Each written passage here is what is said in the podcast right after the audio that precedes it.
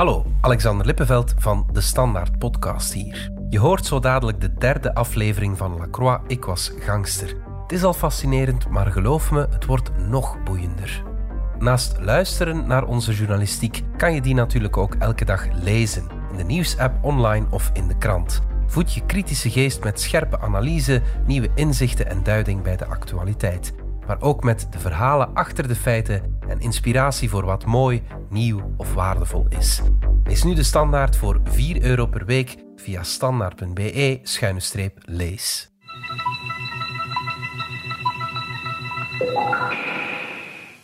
Goedenavond, dames en heren. We onderbreken het normale verloop van onze programma's voor een extra nieuwsuitzending. In Aalst is een roofoverval gepleegd, alweer op een warenhuis van Deleuze. Volgens de 900 van Aalst zouden er zeker 10 doden zijn. De lode jaren 80 zijn woelig, met veel sociale onrust, stakingen en betogingen. Aanslagen en overvallen volgen elkaar op. Maandag waren er de CCC-aanslagen op het kantoor van de BBL in Brussel en op een filiaal van de Generale Bank in Charleroi. Er heerst een golf van driest geweld die maar niet stopt. Dinsdag een aanslag op het gebouw van de Kredietbank in Leuven. Ik ben beginnen werken op het Belang van Limburg in maart 1985. Voor gerechtsjournalisten als Els Kleemput zijn het razend drukke tijden. Ja, dat was gewoon van de ene overval naar de andere vliegen. Dat was gewoon non-stop. Midden van de nacht uit uw bed springen, er naartoe rijden, met politiemensen, rijkswachters bellen, de politie en de rijkswacht afluisteren met de scanners natuurlijk. De politie doet haar best, maar holt achter de feiten aan. Je had de gerechtelijke politie en je had de BOB van de Rijkswacht. En die twee diensten die werkten niet samen. Dit is onze Mark, misdaadreporter Mark Eekhout. Tenzij, ja, en dat werd bevolen door hogerhand, of tenzij ze gedwongen werden door de omstandigheden. Bijna elke week, soms meerdere keren per week, is er wel ergens een schietpartij of een explosie. Op straat, in supermarkten, banken, postkantoren of synagogen. Je moet dat ook zien in zijn tijdsgeest van toen. Hè? Zonder GPS, zonder gsm. Dus met ons zakken vol stukken van 25 frank. Om als de semafoon ging en je zag welk nummer dat je moest bellen, eh, dan moest je wel een, telefooncode vinden of een café binnenstappen. Of per vergissing een bordeel binnenstappen, zoals ik ooit eens gedaan heb. Die dossiers eh, die waren nog niet digitaal, internet bestond nog niet. Alles was op papier. Ja, de ene politiedienst moest dan eigenlijk letterlijk het papieren dossier gaan brengen op de schoot van de andere. Als ze wilden samenwerken en, en als ze wilden weten waar de ander mee bezig was. Dat maakte het allemaal niet makkelijker toen. En daar profiteerden veel criminelen van, want zij wisten van die rivaliteit. Zij wisten dat die diensten zo weinig mogelijk met elkaar samenwerkten. Ook de pers profiteert daarvan. En het is heel lelijk dat ik dat zo moet zeggen. Uh, als je twee kampen hebt die het allebei heel goed willen doen en die allebei willen aantonen hoe goed ze het wel doen, dan krijg je daar ook informatie door. Dus voor ons was dat wel oké als journalist. In ons tweede journaal, omstreeks half twaalf, hopen we u beelden te brengen.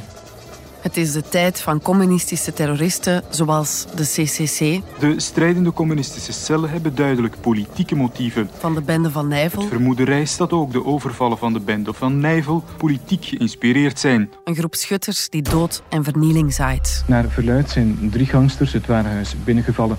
Volgens een ooggetuige heeft de politie onmiddellijk de achtervolging ingezet.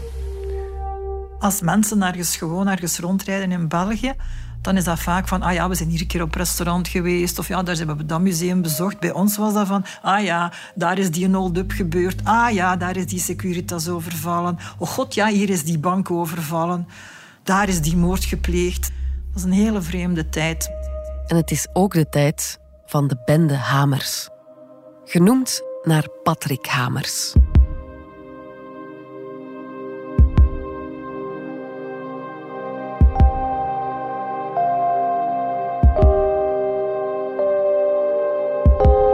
Lacroix, ik was gangster. Een podcast van de Standaard, gemaakt door Mark Eekhout, Marian Justaert, Joris van Damme en mezelf, Lise Bonduel. Lacroix, ik was gangster. Aflevering 3, in de tanden van de politie.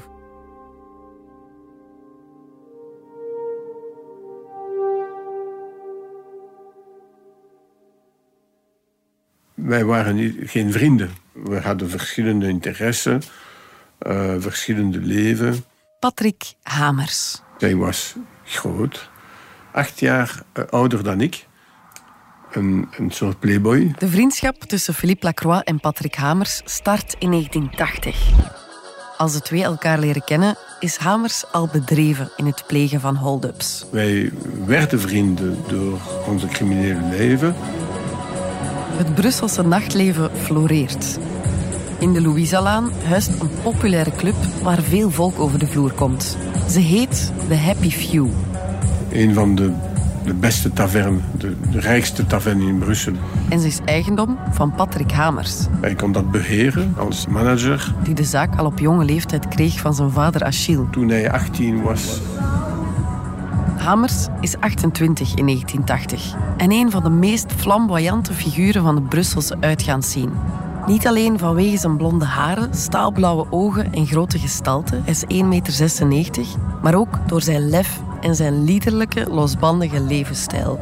Hij gokt veel en hij geeft veel uit aan drank en drugs, vooral cocaïne. Iedereen wist dat Patrick geld had, maar niet zijn eigen, geld van zijn familie, van zijn vader.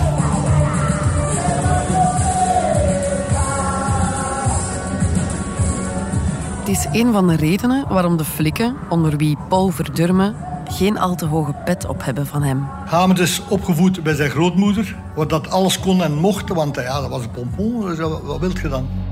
Ik kan geen vlieg kwaad doen. Ik, ik, ik kan het niet. Dat is zijn vader, Achille Hamers. Het, het is geen geweldenaar. Het zit boordevol sentimenteel. Het is, hij ziet de wereld mooi in. Hij droomt van een mooie wereld. Hij, hij was een fils à papa. Vader had in een tijd Montex Sport, 16 verschillende winkels. Patrick Hamers wil altijd de nieuwste auto's, moto's, kleren en gadgets. En liefst zonder er veel voor te werken. Hamers was een rot bedorven jong. Punt. Niet meer of niet minder. Hij had altijd veel geld gehad. Altijd een sportieve auto. Altijd... Uh... Ja. Een filou. Nee, een, nee, het is geen filou, dat is uh, bon vivant. Ja. ja. En heb je vroeger veel gefeest, zo in die discotheken van Patrick en Patrick nee, vader? Nee, nee, dat, dat, nee, nee. Ik deed dat to, toen ik uh, 18 was. 18, 19, 20. Allee, die twee jaar. Aan het begin van mijn criminele leven, zou ik zeggen. Toen ik een... Uh, hoe zeg je dat nog? Een petit voyou? Een, een kleine boef, een, een kleine dief, ja, voilà. kleine crimineel. Ja. ja. In die tijd, ja. Vier keer per week vier, vijf keer per week. En toen ik begon met de overvallen, dat stopte ik onmiddellijk. Gedaan. Het was een risico dat de anderen uh, konden zien dat ik geld had. Dus dat, dat toonde ik niet zo. Dat was niet nodig.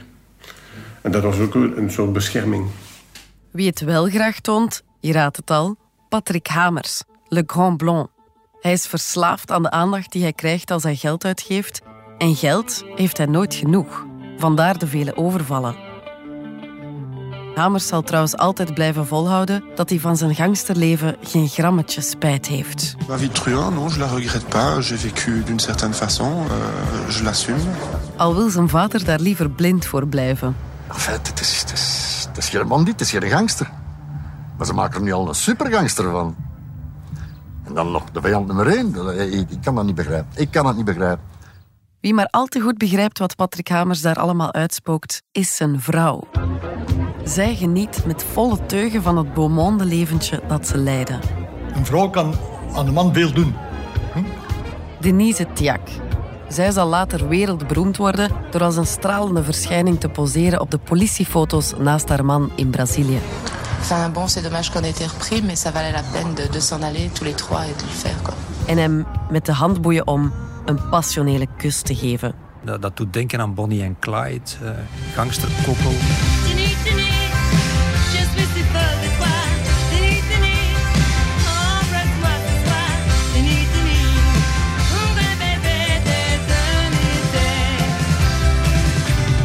Hamers had haar leren kennen in de Happy Few. Dat was een, eh, een sterke vrouw. Hè?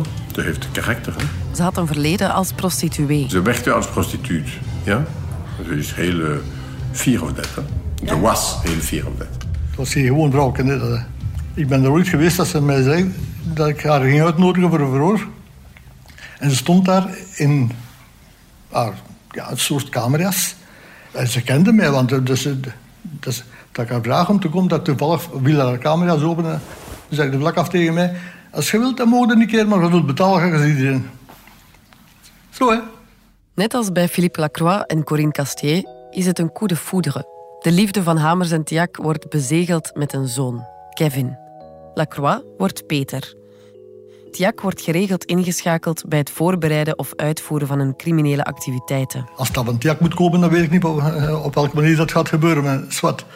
Tiak was, die was fier op om te kunnen zeggen, in de tijd dat ze in Antwerpen als prostituee zat, hè, dat ze een miljoen per maand verdiende. Hè. Een miljoen oude Belgische francs per maand. Met de gouden driehoek. Ja, ik kan dat niet anders niet meer noemen. Ook de mannen doen het voor de miljoenen. Eh, ik zei tegen mezelf, allee, wanneer ik 1 miljoen heb, zal ik stoppen. Maar de tijd dat je een miljoen hebt voor jezelf, dan verandert je leven. Je hebt veel meer onkosten, zou ik zeggen. Bijvoorbeeld, ik wou een restaurant kopen. En dat kostte bij, bijvoorbeeld 5 miljoen. Dus met 1 miljoen ben ik er niet. Dus 1 miljoen, je hebt 1 miljoen en zeg allez, 2 miljoen. En dan je hebt 2 miljoen, allez, 5 miljoen. Het was moeilijk te stoppen, omdat de anderen moeten ook op dat moment beslissen te stoppen. En er is ook geen reden om te stoppen. Ze beschouwen wat ze doen als werken. Dat was, dat was een job, hè. De bende staat helemaal nog niet op de radar bij de politie. Hamers zelf heeft wel al een strafblad. Hij zat al in de gevangenis voor zijn betrokkenheid bij een groepsverkrachting, die hij zelf altijd ontkend heeft. En hij werd ook veroordeeld voor de overval op een bankkantoor in Deerlijk, waarbij trouwens zijn vader de chauffeur van de vluchtwagen was. Sommige speurders vermoeden daardoor dat hij achter enkele overvallen zou kunnen zitten. Maar goed, Hamers, Lacroix en hun handlangers hebben op dat moment dus eigenlijk vrij spel. Het geld stroomt binnen. Wij waren één voor alles en allee, iedereen voor eh, iedereen en eh, alles voor eh, allen. Op dat moment. Eén gouden regel: stoppen is geen optie. Je maakt af waarvoor je gekomen bent. Prospectie doen, plan uittekenen, hold-up plegen, buit, verdelen. Wie overvallen zegt, zegt wapens. En die kopen ze in grote getalen aan en bewaren ze in garageboxen overal in Brussel.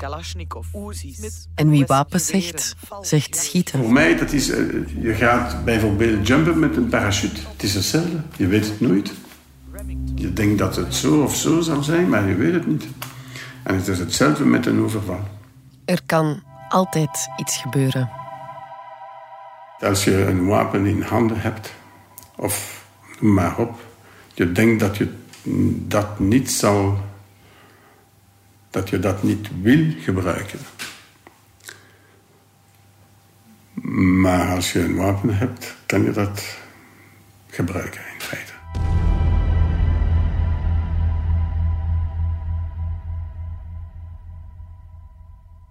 Feit is dat Patrick Hamers op een bepaald moment in de fout gaat. De eerste arrestatie was door een fout, let's say, van Patrick.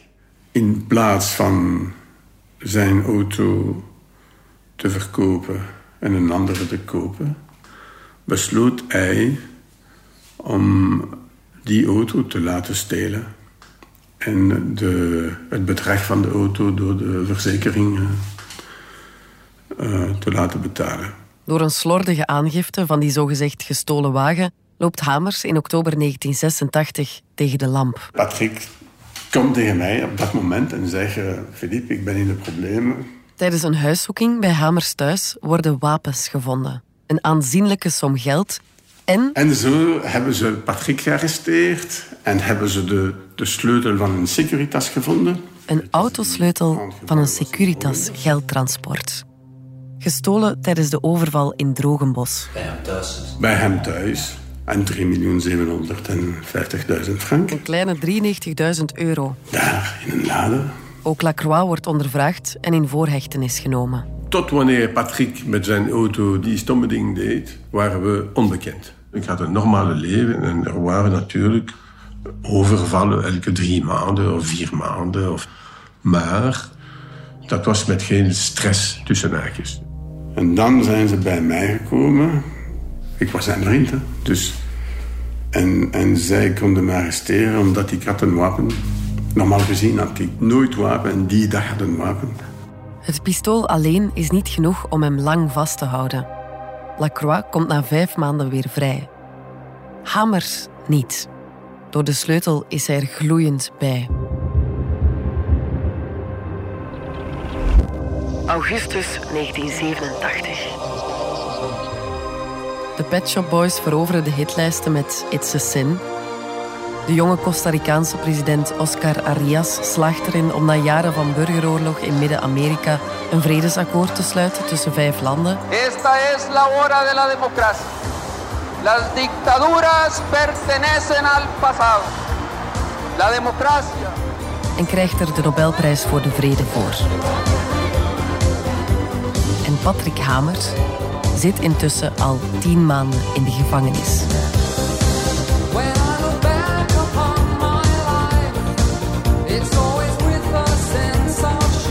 Hij speelt zijn kompanen een boodschap door. Help, ik kan het hier niet aan. Hij kon dat niet aanvaarden. Hij wilde niet meer in de gevangenis zitten. Voor een vrije vogel als hij voelt de gevangenis aan als de hel. De gedachte om jaren vast te zitten is ondraaglijk voor Patrick Hamers. En dus smeekt hij: kom me bevrijden. Er was een soort, uh, ja, een soort chantage. Het normale gedrag zou zijn geweest om, om te stoppen en te zeggen tegen Patrick: Allee, Patrick, nu moet je een beetje wachten en je zal dat moeten aanvaarden. Een paar jaren cel. Hij riskeerde niet zoveel. Alleen misschien vijf jaar of zes, maar uh, als je dat vergelijkt met de, met de rest. Dus op dat moment wilde hij dat niet, wilde hij niet geconfronteerd worden met, met die situatie. Hamers laat via Tiac aan Lacroix weten... Hij zei tegen mij... Als jij me niet helpt om te ontsnappen, doe ik het alleen. Ik kan niet meer, dus als je me niet helpt, zal ik dat zelf moeten doen. En dan sta ik niet in voor de gevolgen. En ik zal op de eerste verplaatsing naar het uh, justitiepaleis proberen een uh, machine gun te nemen. En uh, komt wat zal komen, maar ik zal, ik zal, ik zal, ik zal of vrij of dood worden, maar ik, ik blijf hier niet. En, maar was hij al veroordeeld? Nee. Nee, nee natuurlijk niet. Hij, hij, hij, hij wou niet wachten. Hij wou niet wachten? Ja. mijn vrouw had tegen mij gezegd dat dit op dat moment, wanneer Patrick werd gearresteerd, ze zei tegen mij, maar stop hè, Philippe. Stop, stop, stop, stop nu. Laat hem, laat hem, allez, help hem niet te ontsnappen. Hij moet, uh, zelfs als het voor vijf jaar is, Ik heb niet willen luisteren. Lacroix antwoordt. Dus ik oké, okay, ik, zal het, ik, zal het, ik zal het doen. En jij voelde nu verplicht? Om hem te helpen. Om hem te helpen. Ja. Dan heb ik dat georganiseerd en gedaan. Maar uiteindelijk was dat wel supergoed georganiseerd. Ja, natuurlijk. Het alleen doen is onmogelijk. Dus ik ben naar mijn... Uh, vroegere medeplichter geweest. Philippe Lacroix zoekt helpers, te beginnen bij Erik Hamers. Erik, de broer van Patrick. Dus ik ben naar hem geweest, ik ben naar een andere geweest en naar een andere. En de drie zeiden tegen mij, ja Philippe, het is een beetje... Uh, gat, Op dat moment, uh, dat willen we niet riskeren. Ze willen hun nek niet uitsteken voor Hamers en zeggen... Laat hem een beetje geduld, uh, het is te vroeg. Het is te, te warm. Eén man zegt toch ja. Hij zei tegen mij, Philippe, als je hulp nodig hebt, ben ik uh, natuurlijk bereid om je te helpen. Een man die Lacroix nog kent van toen hij na de fout van Hamers zelf een tijdje achter de tralies zat. Basri Bashrami. Basri Bashrami. Bijgenaamd Tosca. Een zware jongen met Kosovaars-Albanese roots. Dat was misschien niet de meest intelligente van de bende. Ik denk dat dat dat die eer misschien wel Philippe Lacroix toekomt. Ze werden samen gelucht, wat betekent dat ze samen buiten mochten op de wandeling. Het klikte tussen de twee en ze werden vrienden. Bashrami zal veel later trouwens verklaren dat Lacroix zich gedwongen voelde om Hamers te helpen ontsnappen, omdat Hamers hem anders dreigde te verraden. Hoe het ook zij, Bashrami belooft hem een helikopter te fixen voor de ontsnapping. Hij kent een piloot uit Grimbergen die hen voor 500.000 Belgische frank 12.400 euro wil helpen. En nogmaals gezien, na de job kreeg hij, moest hij 2 miljoen krijgen. Probleem, de piloot, dat is trouwens Mark van Dam, krijgt schrik en zegt af. Eén keer nee. Niet één keer, Twee keer nee. maar twee keer. Dat kan niet. Hè. Je kan me niet ja zeggen en dan nee, dat, dat kan niet. Dan ben ik naar hem gegaan, wat, wat is... En hij zei tegen mij, maar ja, maar het, er zijn veel risico's enzovoort. En ik zei tegen hem, ja, maar het is een beetje laat. Je hebt dat gezegd, je moest dat voor dat je het geld kreeg zeggen, niet na. Dus nu, je zal het doen voor niets. Voor niets dus. Maar dan blijkt dat de heli nergens kan landen. En op het laatste moment wordt het plan veranderd. De bevrijding moet, noodgedwongen, oldschool gebeuren. Exit helikopter, enter wapens, masker en vluchtwagens. 13 augustus 1987. Dus ik was de man die vroeg aan de man eh, achter de deur om de deur te openen. Open of ik schiet. Er waren twee. En Patrick was aan het vechten met de ander die zijn wapen in hand had. Hij zei tegen mij door de deur: Philippe, hij heeft zijn pistool in hand. Open of ik schiet. Ik schoot naar beneden. Dus ik dacht, misschien was er niemand of de voeten van iemand. Wat Philippe Lacroix niet weet, is dat er achter de deur van de celwagen twee trapjes zijn. Twee trapjes. Hier is er één treed, twee. En ik, denk, ik dacht niet dat hij zo was. In feite, hij was zo. Op het bovenste trapje zit een van de twee bewakers gehurkt neer. Ik dacht, dacht dat hij hier was. Om dekking te zoeken voor de aanvallers. Dus ik heb geschoten zo. En de kogel ging door één en twee knieën. Ik wist niet, echt niet, dat er iemand daar kan zijn. Het feit is, hij was dan eh, gekwetst.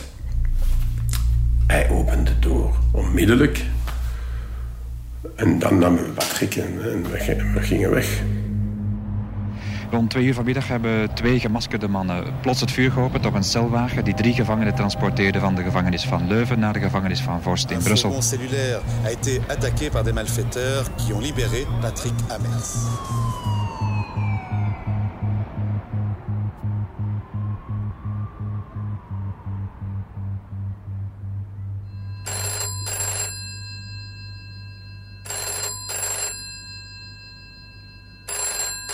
Ten huize Paul Verdurme rinkelt de telefoon.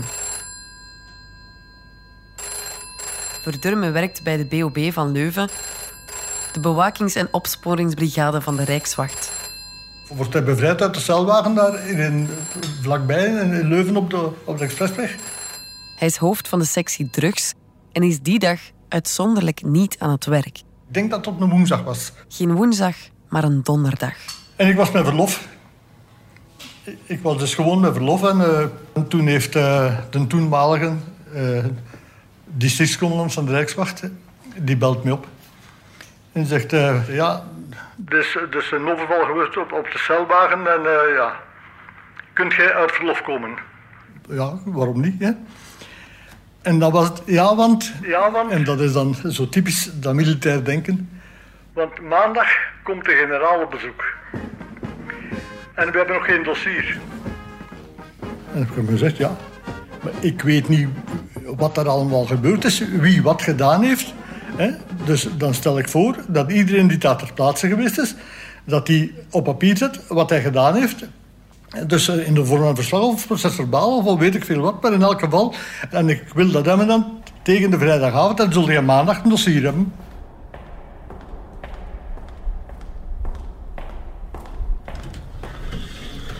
Ligt maandag een dossier op het bureau van de districtscommandant. Want zo is Paul Verdurme wel.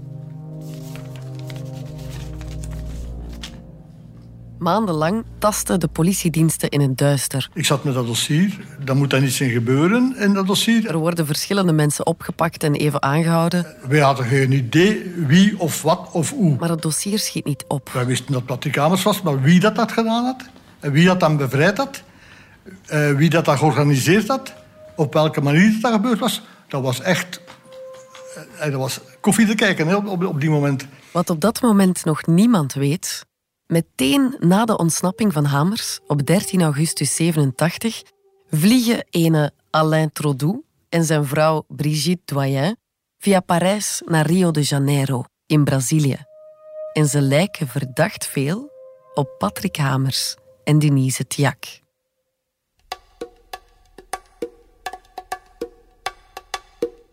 Patrick Hamers staat wel al op de radar van de 23e brigade van de gerechtelijke politie van Brussel, onder leiding van Jean-Philippe Elise.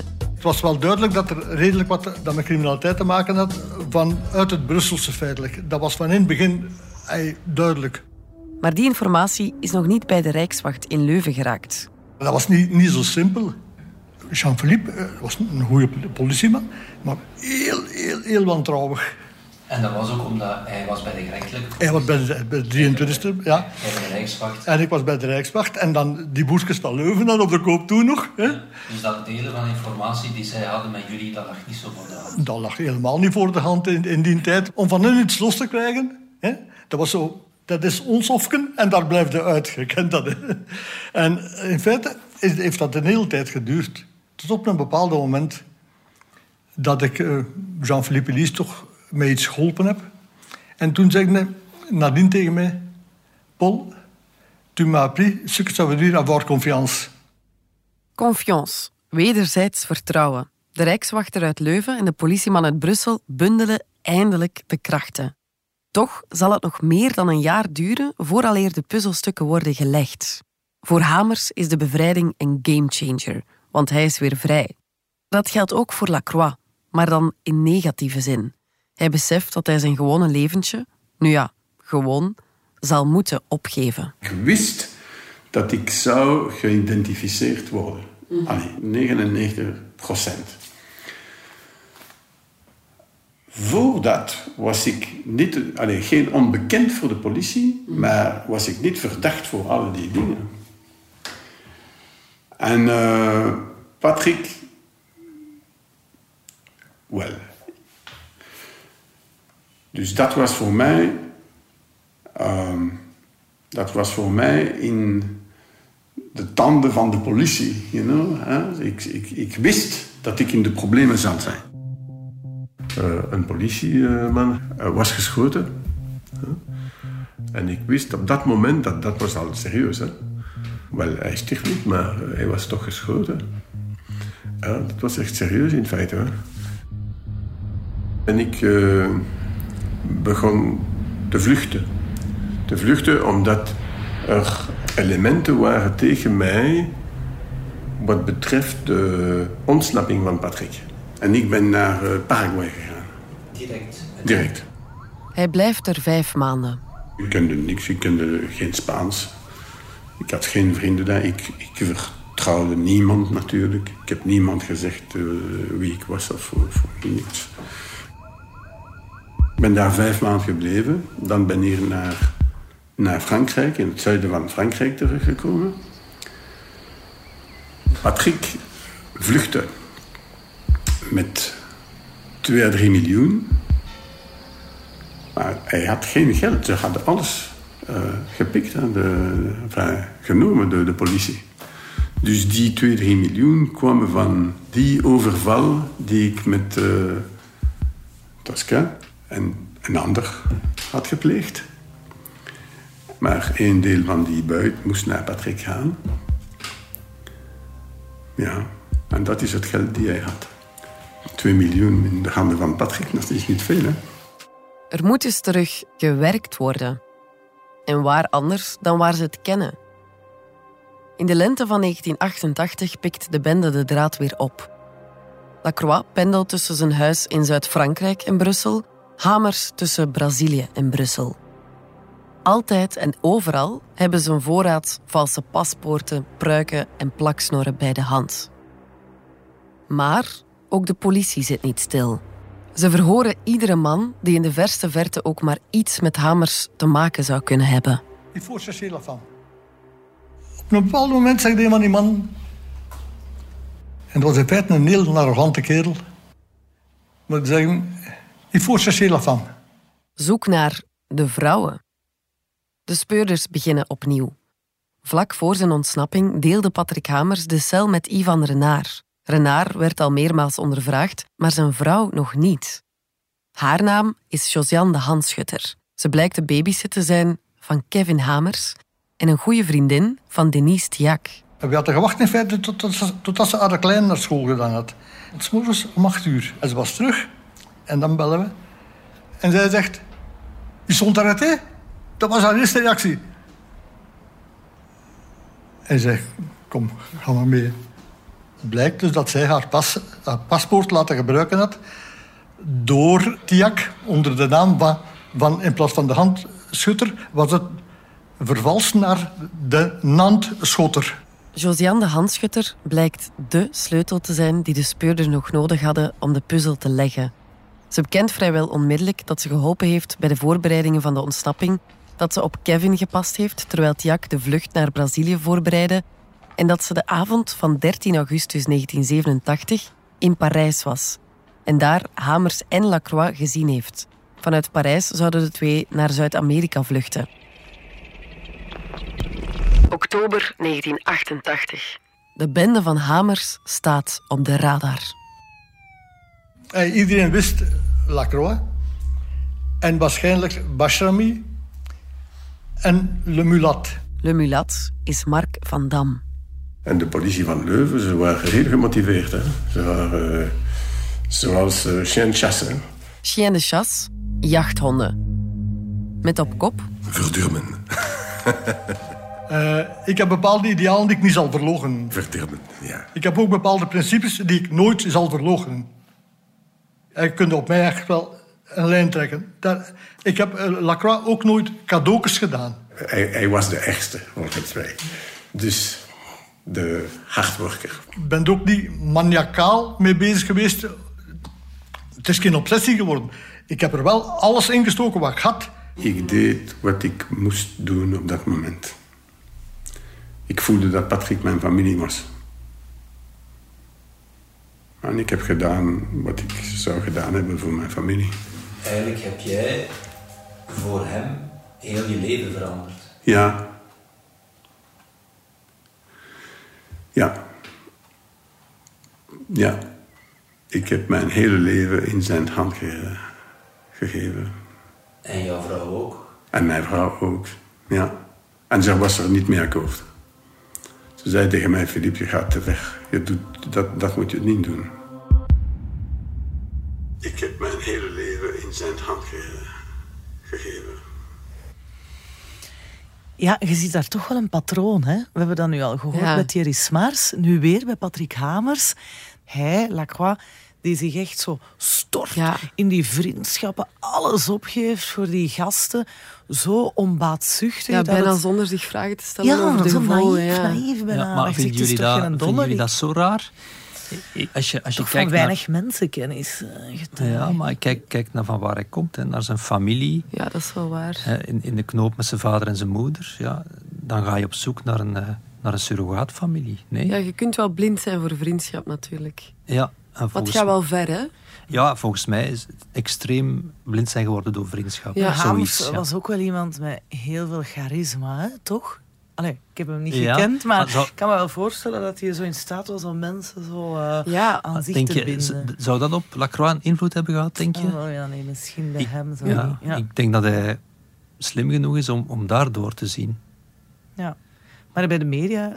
Ja. Ja. toch lang in de media was hem echt zo de posterboy van uh, Maar ja, de, media criminele heeft wereld. hem ook wel gemaakt tot die posterboy, hè? Nee, Ja, voilà, dat, is wel in ja, dat is een verschil. Hè? Hoe, de- hoe dat de media en het publiek hem ziet en hoe dat de rest van de bende hem ziet, volgens mij, is, is dat niet hetzelfde. Daar is toch, daar heb jij zelf nog geschreven, Mark, een zekere mythevorming gebeurd rond die benden. Ja, dat is zo, ja. Ze zijn niet de cliché-misdaadbenden, nooit geweest. Ze komen uit de goede middenklasse, dat vind je al niet zo vaak bij, bij gangsters. Bad boys, knappe bad boys, ja, daar worden films van gemaakt. Hè. Ja, ja, tijdens dat we dit aan het maken zijn, is dat toch vaak dat we tegen elkaar zeggen van oké, maar het is wel echt gebeurd. Het is niet zomaar een Hollywood-verhaal dat we hier ineens steken. Ja, ja, het is geen film, hè. het is echt. Ja, absoluut. Je hebt de neiging om, om te denken, ja, wauw, cool verhaal. Maar eigenlijk is het geen cool verhaal, hè. eigenlijk is het een triest verhaal. Dat veel mensen verdriet heeft bezorgd.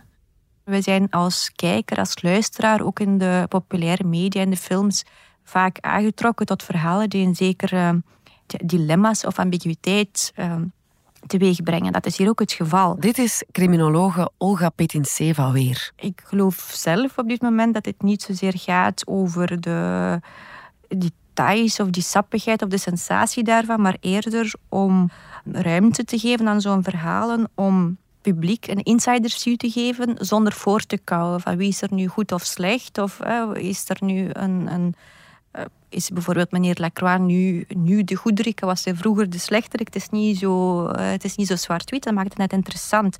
Een verhaal dat waarschijnlijk ook gemengde reacties zal veroorzaken en mensen gaat ja, aanzetten tot, tot discussies. De vraag is eerder tot welke discussies. Hè? Uh, discussies opnieuw over de rechtvaardigheid, over ruimte tot herstel. Uh, over ja, wat doen we als maatschappij met zo'n zeer moeilijke verhaal. Tegelijkertijd ook wel menselijke met een gezicht erop. Daar komen we nog op terug. Maar eerst weer naar ons verhaal.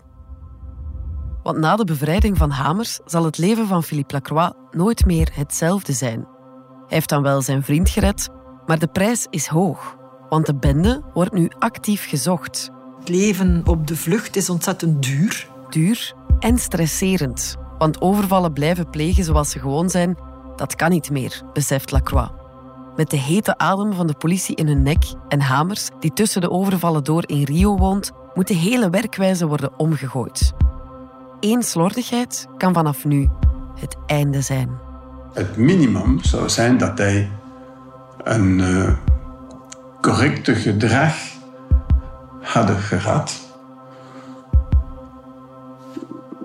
tijdens die tijd op vrijheid, zou ik zeggen. En dat heeft hij niet gerespecteerd.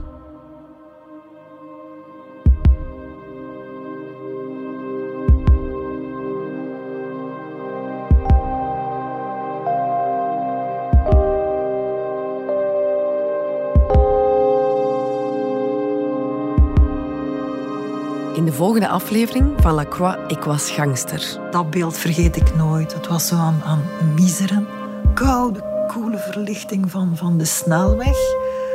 En de snelweg lag vol, vol, vol stukken van vijf frank die dubbel geplooid waren. En waar bloed aan hing.